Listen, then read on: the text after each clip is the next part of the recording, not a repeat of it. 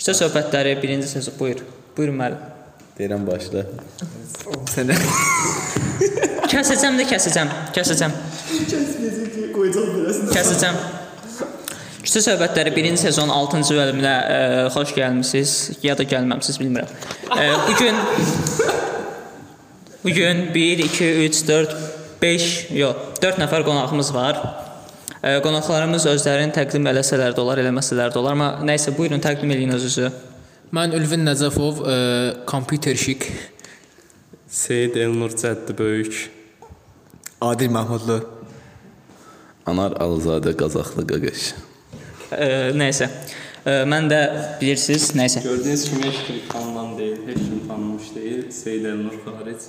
Bu podkastı yaza bilmək üçün 2 saatdır ki, bu cənabları məcbur etməyə çalışıram, amma bu gün küçə söhbətləri altının qonaq oldular. Ə, Bugünkü mövzumuz nədir Adil bəy? Olmur, belə olmur. Və ciddiyyətlə olmur. Adil Bugünkü mövzumuz çox güman ki, e, məzunluqla bağlıdır, son zənglə bağlıdır. Bilirsiniz bu gün 11 illərin son zəngi oldu məktəblərin çoxunda. Biz də e, keçən ilin məzunları olaraq son zəngimiz olmadı heç. Və e, yəni bunu heç vaxt yaşamadıq. Bizim son oxşuyur. son, son zəngimiz martda oldu və bundan heç birimizin xəbərimiz olmadı. Yəni çox tragedik bir şeydir. Nəysə Adil normal səmimi ola bilərsən. Bax, səmimi şəkildə danışıram. Bax, səmimi səslə ola.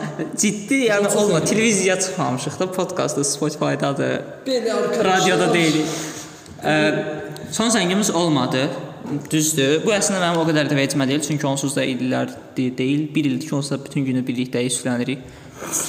yəni məzuniyyətin olub olmamağının çox da Birlikdəyik demə də, sən yoxsan, bizik bir yerdə. Yəni sən sən gəl axırda 2-3 dəfə gəlmisən. Sən gəlməzdən əvvəl azı 100 dəfə görüşmüşük, içmişik, yemişik, çəkmişik. Buranı Yəni kəsərsən. düz veterin bir önəmi yoxdur mənim üçün də. Yəni zaten Söhbət getmir. Ümumiyyətlə məzuniyyət olsun, son zəncidən eləyirsən, Sən nəyi bəyənib bəzəli paltarlar geyinsən, bir dostlar qucaqlayırsan, bir də köynəyin üstünə yazsan. Gəl məsələn Sirk- köynəyin üstə yazın bir. Yox, məsələn aşağı sinifləri e, qucağıma alıb, boynuma mindirib gəzdirmək var. Abi gəl indir mənim qucağıma, boynuma Aşağı sinifsən sən? Məsələ bir şeydir. Son zəng təkcə tələbələr arasında olan bir şey deyil. Orada müəllimlər də olur. Sən müəllimlərlə son dəfə görsən, onların qarşısında sağ ol deyirsən, gedirsən. yenə gəl sağ ol. Da bir səndən sonra yenə gəlib O görüşürük. qalsın imtahanlardan sonrakı o 2 həftə boyunca o həyatının anını yaşayırsan da, yəni həyatda ən çox gördüyüm bütün xoşbəxtliyi görürsən. Vallahi mən hər Çünki bekar oldum. Həm kompüter otağı, həm idman zalı sənə tam açıqdır, istədiyin qədər gedə bilirsən. Yəni məktəbə sadəcə uşaqlarla görüşməyə, oynamaq üçün gəlirsən. Mən düzü 1 ildir məktəb olmaq məqsədlə gəldim. Ona görə mənim çox bir fərqi olmur. Oxumuram, onsuz da Biz 10-cu sinifdə zaten məktəbə ona görə gəlirdik də. 10-cu sinifdə sən Onu dərs sizdən bir yerdə oxumamışam deyə bilmirəm. Yəni məqsədim qaçmaq. ayda, ayda. Yəni 10-cu sinifdə başqa sinifdə. Mənim məqsədim yəni evdən qaçmaq, evdən qaçsaydım gəldim məktəb, məktəb dərsə girmirdim. Mən yəni bu uşaqları görüb gəldim söhbət eləməyə. Yəni bilirsiniz də məni görmüsüz sinifdə, heç vaxt sinifdə də görmürsünüz mən. Hüseyn Ağa, yəni Hüseyn alıb əkdim internet kluba. Yəni məqsəd evdən qaçmaq idi. Məktəbə də gəlmək deyildi əslində çox düzü. Məktəbə gəlmək üçün Amma- evdən qaçıb, sonra məktəbdən də qaçan Ülvi Nəcəfov qonağımızdır. Amma yenə yenə də şeydə bir 11-in axırında, yəni bu karantin başlayanda hiss elədim ki, yəni mən səhv eləmişəm də, kaş məktəbə gələrdim, yəni uşaqlara daha çox vaxt ayırardım da, yəni cidden peşman oldum bu. Valideynlərin bilmədən bu podkasta qulaq assalarsa bax. Ə, Valideynlərim qulaq asmaz. Valideynlərim o qədər münasib deyil. Söz söhbətləri 6-cı bölümün 4-cü dəqiqəsinə xoş gəlmisiniz. Alqış. Gülməli olmayan radio proqramları var. Onlara şükür Allah.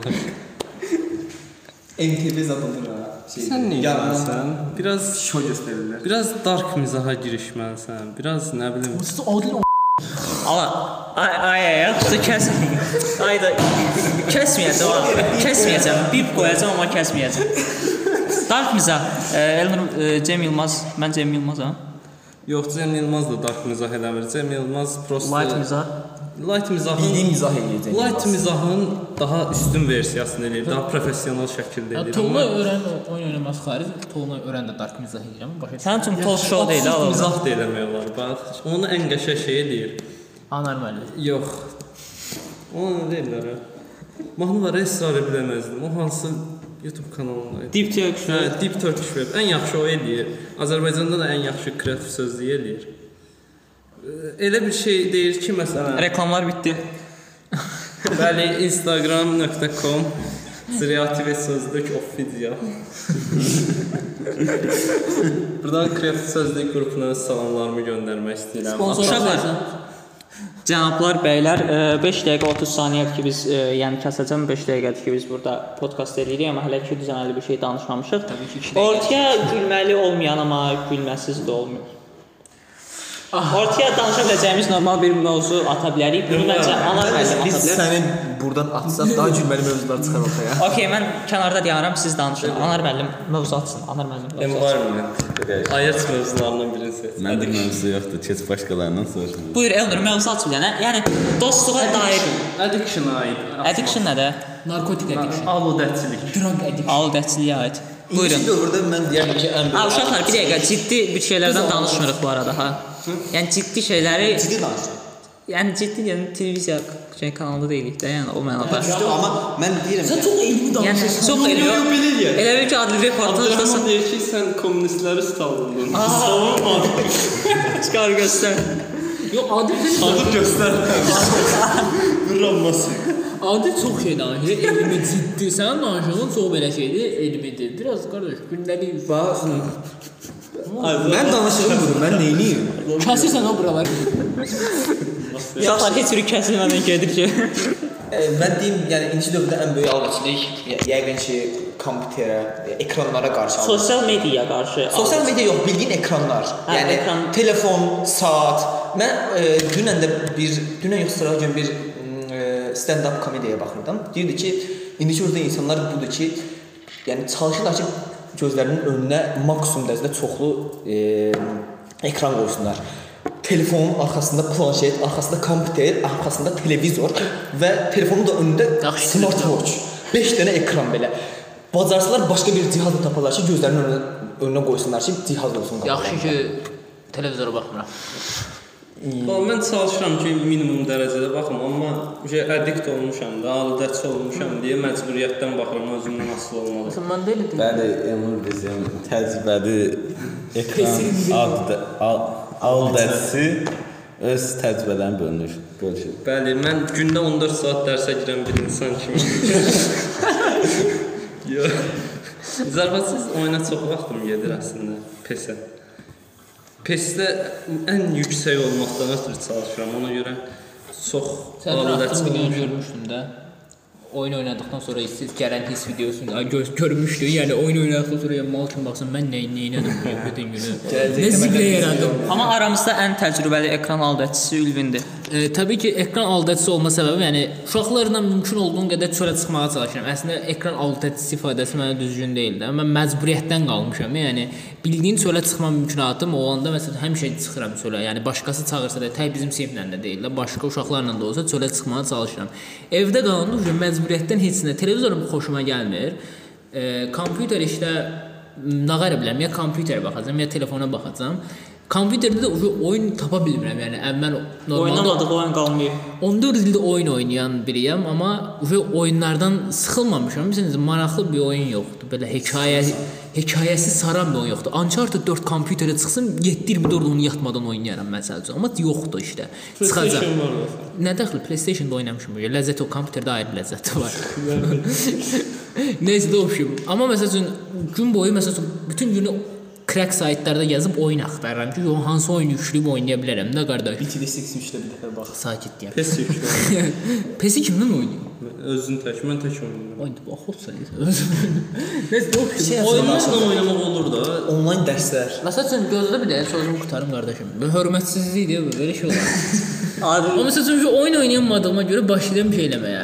E, başlayıram Twitch-ə baxmağa. Bəlkə kimi Twitch yayıncılarını izləyirəm. Həqiqətən o əməli başlı alvəçilik odur. Mən də məsələn 1-2 dəfə Twitch-ə live-a girirsən, mənasız yerə, dəxlisiz yerə oturursan, çıxa bilmirsən. Yox, Gecə məs- saat 4-ə qədər yayıncının yayında vaxtı O olmur. zaman məsələn yayın, mən yayını da izləmirəm. Yayında o qədər boş söhbətlər olur ki, məsələn yayını təkrarlanan paylaşanlar oldu, önəmli momentların paylaşan yerlər oldu. Girib oturub olacaq. Yayıncısan dünən baxmışam ha elə bir şey. Twitch yayıncısı məsəl üçün şey, məsələn yayıncı bir video izləyər də YouTube-da. Hə. Məsəl üçün nə deyək, kendinə müzə örnək verəm. Kendinə müzisyen Twitch-dən postlar funny moment izliyor.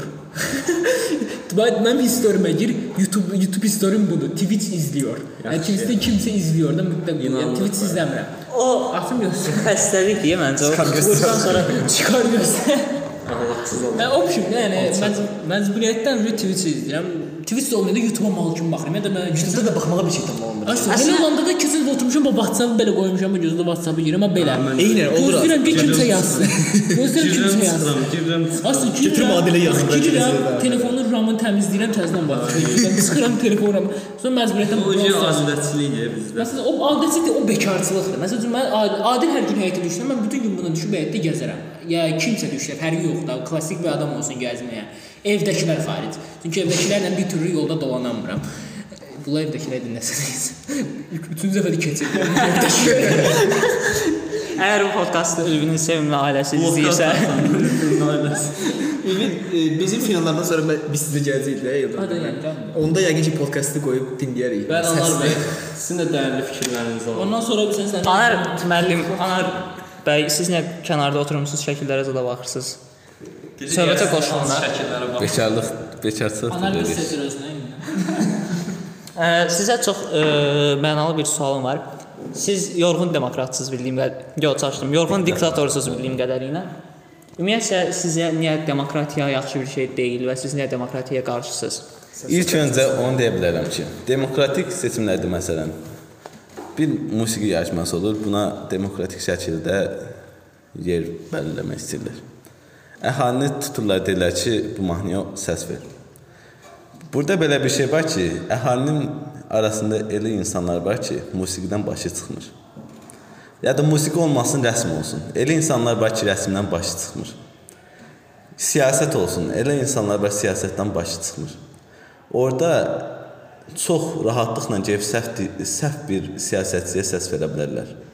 Mənim fikrimcə orada əhali yox, səs vermə əsasən e, başı çıxan insanlar arasında olmalıdır. Məsələn, siyasətçini siyasətçi seçməlidir. Çünki onun başı çıxır. Mən bunun tərəfdarıyam. Sokrat kimi düşünürsüz yəni? bəli. Amma indi burada insanların rolları var, deyil? Anar- Yəni insanlar məsələ ondadır ki, e, bu əhali rəsm əsəri seçmir burada. Prezident seçir və prezidenti seçəndə də və ya e, başçı seçir. Bunu seçəndə də sadəcə görünüşünə, rəsm əsərindəki görünüşünə, mahnıdakı səsinə görə seçmirlər onu. Onların verdiyi sözlərə görə seçirlər ki, Məsələ məsələ də odur ki, məsələ də odur ki, Sokratın dediyinə görə ə, Bacan. əhali, yəni insanlar arasında 50%-dən yuxarı qoyun var. Qoyun. Başa düşdüm, özləri yəni, sərf eləyəni seçirlər ki, yolları düzəldəcək deyir. Mənə sərf eləyir. Mən istəyirəm yolları düzəlsin. Bu isə deyir yolları düzəldəcək demir. Mən də bu yolları düzəldəcək deyəni deyir, amma düzəltmir sonra o başa Hə, gələn o- adam o məsələ məsələ- olması üçün onu doğru bir siyasətçi üçün onun yalan dediyini tuta Amma bilər. indi doğru siyasətçini tapmaq çətin. Məsələ ondadır ki, ən yaxşı siyasətçilər bədən dili müəllimləri tuturlar və onlar yalan danışanda bədən dilindən istifadə edirlər, bunu örtbasdır edirlər. Bədən dili müəllimi tuturlar. Bunu insanlar tuta bilməz. O biri siyasətçilər çətin ki tutar. tutarlar. Bəzən də model. Amma indi bu dövrdə hər şey pulla. İnan ki, siyasətçilərin yazıb pulla alıb qoyurlar ora. Sən elə danışdın, pul temasına çox. Nəysə, Basacaqlar siyasətə çox içəri. Söhbətimiz Lazım bənzəyir? Sən deyirsən ki, siyasətçi seçməlidir. Hardan bilirsən ki, o siyasətçi özünə sərf eləməyən adamı seçməyəcək? Mən o mənə başı çıxan biri. Tamam, sən başı çıxan biri, bəlkə ailədən birinin başı çıxır. Məsələn, bir nəfər e, hökmdar oldu və öz ətrafındakı adamları özü başı çıxır deyə öz istədiyi kimi gətirə bilər. İndi elə deyil. Amma əhali keyfim istəyir deyə gətirirəm mən bu adamı. İndi elə. ona görə öz başımızdakı da düzgün adam olmalıdır. O məsələ də orasındadır. Tam öz başımızdakı seçən adam özün özü üçün özünün xeyrinə seçmədiyini hardan bilərsən? Anar, sənə Sən Abdülhamid'i savundun. Sənə bir Savunmamışım, baxdın ona. Sən ona baxsaydın, ə, əslində diktatorluqla ə, belə demokratiyanın belə deyək də haqqında daha çox öyrənmiş olardı. Sən deyirsən ki, demokratiya ona görə Sokrat bilirsən nədir? Sokrat bilirsən nədir? Mən dediyim videoya gedib baxarsan bir dənə. Sokrat bilirsən nədir? Demokratiya əhalinin diktaturasıdır. Və ahali indi bilirsən, məsələn bu adam ümumiyyətlə bayaq mahnıdan bir şey verdi də, musiqidən şey verdi də. Məsələn indi iki- insandan insana dəyişə bilər də. Dava yazır onları. Düz deyirlər. Yəni bu gül kimi burada podkast yazırıq da niyə pozursan? Məsələn, Məsələn, qoy onun yerinə bu gəvirəsən. adam bu adam mahnının, bu adam musiqinin və ya mahnı deyək də, bu sözlərinə diqqət edə bilər. Mən də musiqisinə diqqət edə bilərəm də. Hər hansı zövq fərqi. Yəni Biraz axırda biraz verdim. Ay, içinə qustun ya. Bu adam mahnı sözlərinə diqqət edə bilər. Mən də mahnının e, işlə liriklə, söz e, musiqisinə diqqət edə bilərəm, melodiyasına diqqət edə bilərəm. Anan indi deyir ki, musiqidən başı çıxan bir adam seçməlidir. Burada indi iki yerə bölünür. Bir var musiqi tərəfi, bir var sözlərə diqqət edən. Lüven, qardaşımsan, dur. Məsələn, sənin musiqidən başa çıxdığını hardan bilirsən? Bəlkə səndə heç o qədər çox. Bilmirsən. cahilsən. Bax, belə bir şey var. Elmi olaraq belə bir şey var ki, cahillər özlərinin cahil olduğundan xəbərləri yoxdur. Elə bilirlər ki, çox şey bilirlər. Bəlkə sən də elə bir cahilsən ki, düşünsən ki, mən bu haqqda çox bilirəm, mən seçməliyəm. Mahnı, belə deyək, yaxşı mahnını mən bilirəm. Amma halbuki sən demək olar ki, heç də bilmirsən və daha yaxşısını seçə biləcək insanlar var. Məsələ ondadır. Və əslində və belə bir şey var. Ə, dövlət idarəsi e, və əhalini də belə tatmin etmək lazımdır. Əhali də ona görə özünü tatmin edə biləcək birini seçməlidir. Diktatura da burada diktatorların əksəriyyəti Əslində elə deyil. əhalini tatmin etməyə yönəlikdir. Onların əksəriyyəti insanları tatmin etməyə yönəlikdir. Və əgər sən deyirsən ki, yox, biz elə bir diktatura yaradaq ki, əhalini tatmin eləsin, əhaliyə yaxşılıq eləsin. Elə bir diktatura mümkün deyil. Çünki e, diktatura da, yəni belə də, əhaliyə yönəlik işləyən diktatoru aşırtmaq çox rahat olacaq. Niyə? Çünki diktatorun əlinin altında işləyən insanlar özlərinə belə sərf olan diktatoru seçmək istəyəcək. Özlərinə daha çox ödəniş eləyən diktator seçmək istəyə- istəyəcək. Bu dəqiqə diktator olan insan əhaliyə daha çox pul ayırır. Sənə isə az pul verir. Sən deyirsən ki, başqa bir diktator var. Deyir ki, o sənə sən mənə kömək elə. İndiki diktatoru aşırdı, aşırdaq. E, yerinə mən gəlim, mən sənə daha çox pul verəcəm. Sən buna kömək eləyəsən. Çünki sən istəyirsən ki, sənə daha çox pul gəlsin. Vəziyyət də elədir. Diktatorluqda bu dəqiqə vəziyyət elədir. Demokratiyada isə nisbətən daha belə deyə stabildir. İnsanların seçimindən asılıdır. Bu da belə deyə də diktatorluq əlinin altında işləyənlərdən asılı deyil bu. Başa düşürsən? Mən sənə göndərdiyim video bunu izah edir. Sən o videoya baxsan, mən çox yaxşı. Məsələ bilirsən nədir? Mən orada diktator, orada deyirəm ki, öz altındakı adamları özü seçir, öz insanlarla qoyur. Onun öz insanı gəlib O monarxiyadır artıq. Anarxiya. Özünə demirəm qohumlarla, deyirəm ki, öz dostlarından, tanışlarından güvəndiyi insanları gətirir. Əslində, əslində, Öz güvəndiyi insan gətirir. əslində prezidentlər də, prezidentlər də hakimiyyətə gələndə öz komandası ilə öz hakimiyyətə gəlir. komandası ilə gəlir. işte- Mən də onu deyirəm. Demokratiyadır da orada. Demokratiya deyil. İşte seçəcəyin insan gətirir. Keçən də esse yazdı. Düzgün insan tapmaq Bu mövzu haqqında çox da anar anar anar. Bu mövzu haqqında çox da bilim olmasa keçən də esse yazırdım. Elektoral sistemlə işte political representation haqqında da. Yəni o biçim internetdə araşdırmalar bu çıxdı ki, hamı özünə yayılır, kimə çox pul verirlərsə onun dili Ay, mən demirəm pul söhbəti. Dövlət- Mən özümə elə bir güvənlik komanda quraram ki, heç quraram ki, heç birinin pula Narahat ehtiyacı olmayacaq. Mən heç bir pul istəmirəm. Hamı yaxşı. Onda sən yuxarılarda olmayasan. Mən sənə bir söz deyim. Elə qəşəng də tuta ana. bilərik ki, sən tanımırsan bizi. Məsələn odur ki, sənin əlinin altında işləyəcəyin adamları seçəsən, hə? Amma o insanlar özlərinin əlinin altında işləyənləri seçə bilməyəcəklər. O- Onların əlinin altında işləyənlərsə yenə də pul istəyəcək, özlərinə sərfiyəni istəyəcək. Bütün polislər mənim tanı mənim öz güvən mənə güvənən insanlar mənim adam olsa, bütün nə qələ bilər? Ee, Bütün hər şey Məsələn sən bütün sistemi orada dağıda bilməzsən sən. Elə qəşəng. Sistemi dağıda bilməzsən. İnan, onda nə olacaq? Sənin kimi başqa bir qrup yığan e, qrup yığmış bir insan olacaq. Gələcək və sənə altında işləyən minlərlə insan var da. Bu minlərlə insandan hansısa biri sənə xəyanət edə bilər. Hal-hazırda yəni Eləyəcəkdir. və eləyəcək də. Onu özlərinə tərəf çəkəcək. O belə deyək, sistemdə bir açıq ara tapmağa çalışacaq, açıq tapmağa çalışacaq. Bunu istifadə edəcək, səni aşıracaq. Paytaxtda da izləyəcək Öz öz Həmişə e, ibnə çıxır belə işlərini, öz işçilərini gətirəcək. Sistemə. burada diktator savunulmuş kimisə. Sən eləyirsən, sən diktatoranı savundun. Məsələ. Savunmadım. Sən anar hal-hazırda bu dünyada e, demokratiya mükəmməl deyil. Bundan razıyam. Demokratiyada yalan danışıb beləsə hakimiyyətə gəlmək çox rahatdır. Amma ən azından burada insanların seçimi var və insanlar e, bir diktator və bir e, demokrat arasında seçim edəndə diktatoru seçməyirlər. Diktatorada da belə deyək də ölkəni çox pis vəziyyətə salmaq, çox pis vəziyyətə salmaq daha rahat. Sən belə bir şey göstərim. Liviyada Qəddafi diktator idi elə. Liviya əhalisi çox gözəl yaşayırdı. Hər şeyləri var idi. Onları kimlər devirdi? Amerika. Amerika devirsin, o dəxli yoxdur. Liviyanı öz əhalisi devirdi. Orada Amerika çox rahatlıqla Liviyanı əhalisini başına Bir şey deyim mi? Sən deyə bilməzsən ki, Liviyada hər şey yaxşı idi. Məsələn, de- çox əfsanə idi. çox əfsanə, söyləyim, kənardan çox əfsanə görə bilər. Sən orada yaşamadığın sürəcə bilmə, bilə bilməzsən. Biz bu dəqiqə deyirik ki, məsəl üçün Britaniyada, nə bilim, Fransada belə çox bir əladır, Türkiyədə əladır. Gedirsən baxsan ki, politikası batır. Amerikanın oyunları. Amerika Dış minnətlərin Mən oyunu. halda mən sənə deyirəm ki, bax, diktator e, demokratiya mükəmməl deyil, amma dövlət idarə edən bir insan olaraq yaxşı insan seçməkdə daha yaxşı üsul yenə də demokratiyadır. Diktator olaraq daha yaxşı bir diktator seçə bilməzsən, elə də seçə bilməzsən. Gələn də yaxşı olma ehtimalı çox aşağıdır. Amma demokratiyada yaxşı olma ehtimalı, pis olmama ehtimalı daha yüksək. 5 dəqiqədə podkast danışırsan. Başa düşürsən nə demək istəyirəm? gözə Abdurrahman da söz desin. Bayaq nə demək istəyirəm? Bəli.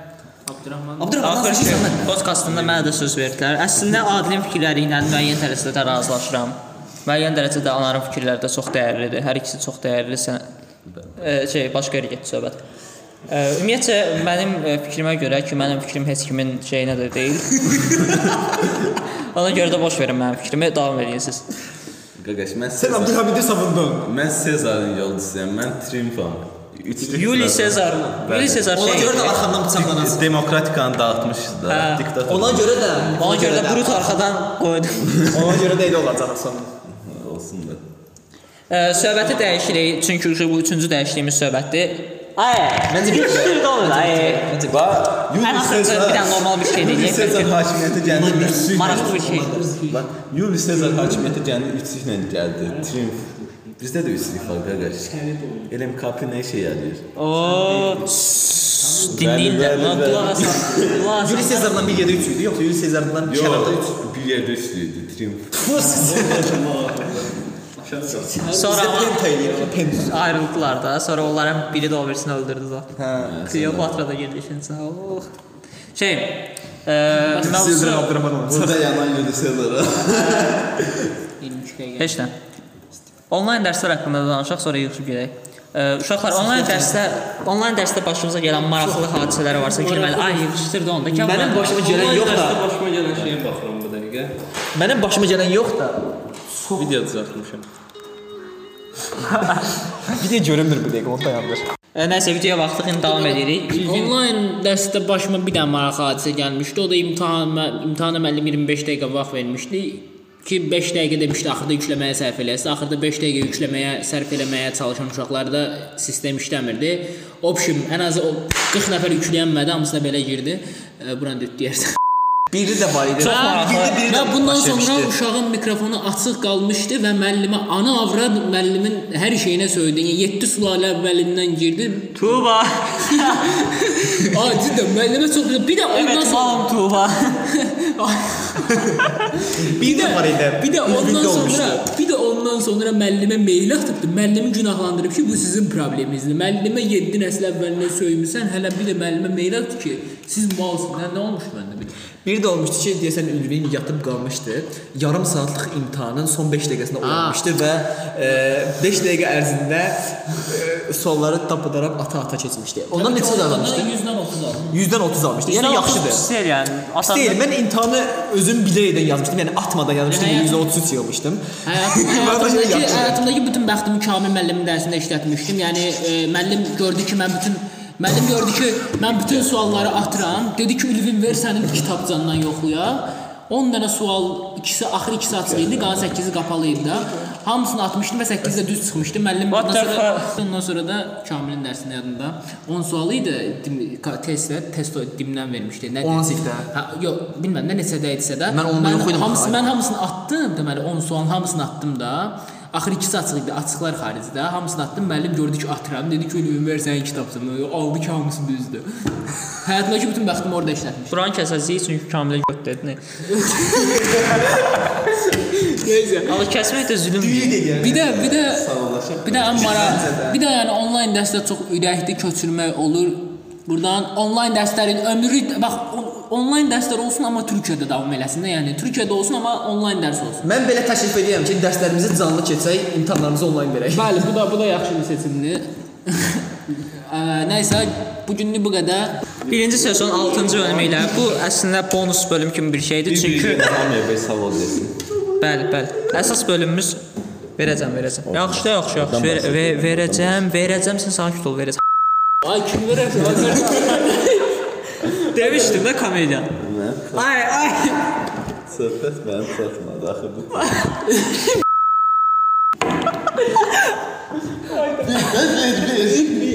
Çox sapan. Nəysə. Nəysə, Təmiz ürəkçilik. O küçə söhbətləri çox yaxında 7-ci bölümü ilə 8, 9, 10 e, və bir çox şey. Nəysə, gələcək. Part 1, part 2 deyə bilərsən. Okay.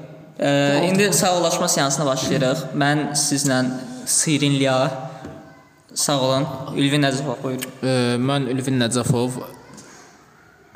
Da sağ olun da, cəhənnəm olun. Bu arada bunu bəyənməyənə mən ta Mən Elnur Quluzadə sizi sağollayıram. Mən Adil Mahmudlu görüşənədək. Düz adil deyə, dü- düzünə adil. Qoca canavar diktator Anar Azizad olaraq hamımıza sağ ol deyirəm. Sən Abdülhamidi savun. Nə qədər Sən Menteresdə nə idi onun adı? Çıxar göstər. Menderes. Menderes. Sən Menderesdə savundun. Savunmadım. Menderes yoxdur, Abdülhamiddir. Sən ha, onun Azərbaycan versiyası da var. Sən Heydər Əliyevin qol. Kemalizmi savunacağız. Ha, sen Kemalistsin, devrimi ben savunacağız. komünistim. Hadi bakayım. Bırak palavrayı. Sen bırak palavrayı. Sen döneksin. Sensin döneksin. dönek. Döneksin. Sen sı- sı- sıkı yönetim mahkemelerinde çıkıp dönekliğini ilan Beyefendi mi? sen ne dedin? Sen Evet. 12 Eylül, gel, 12 Eylül gelmişsin. Göreceksin, göreceksin. Sen Abdülhamit'i savundun. Savunmadım. Sen Menderesleri savundun. Savunmadım. Sen savundun. Terbiyesiz. Aa bak. Savunmadım. Bak, bak. Çıkar göster. Doğu. Ben göstereceğim. Rahat Ahlaksız adam. Alçak. Pus. Terbiyesiz. Lütfen beyefendi. Yap, yap, yap. Ahlaksızsın sen. Bir tane tokat atacağım. Ay, Hiçbir şey atamam. Köşeleri möşeleri dön baba dönelim rap rap Rap diye rap rap zap diye zap zap rap rap Naber nitekim gene geldi şapka rap rap Ben sana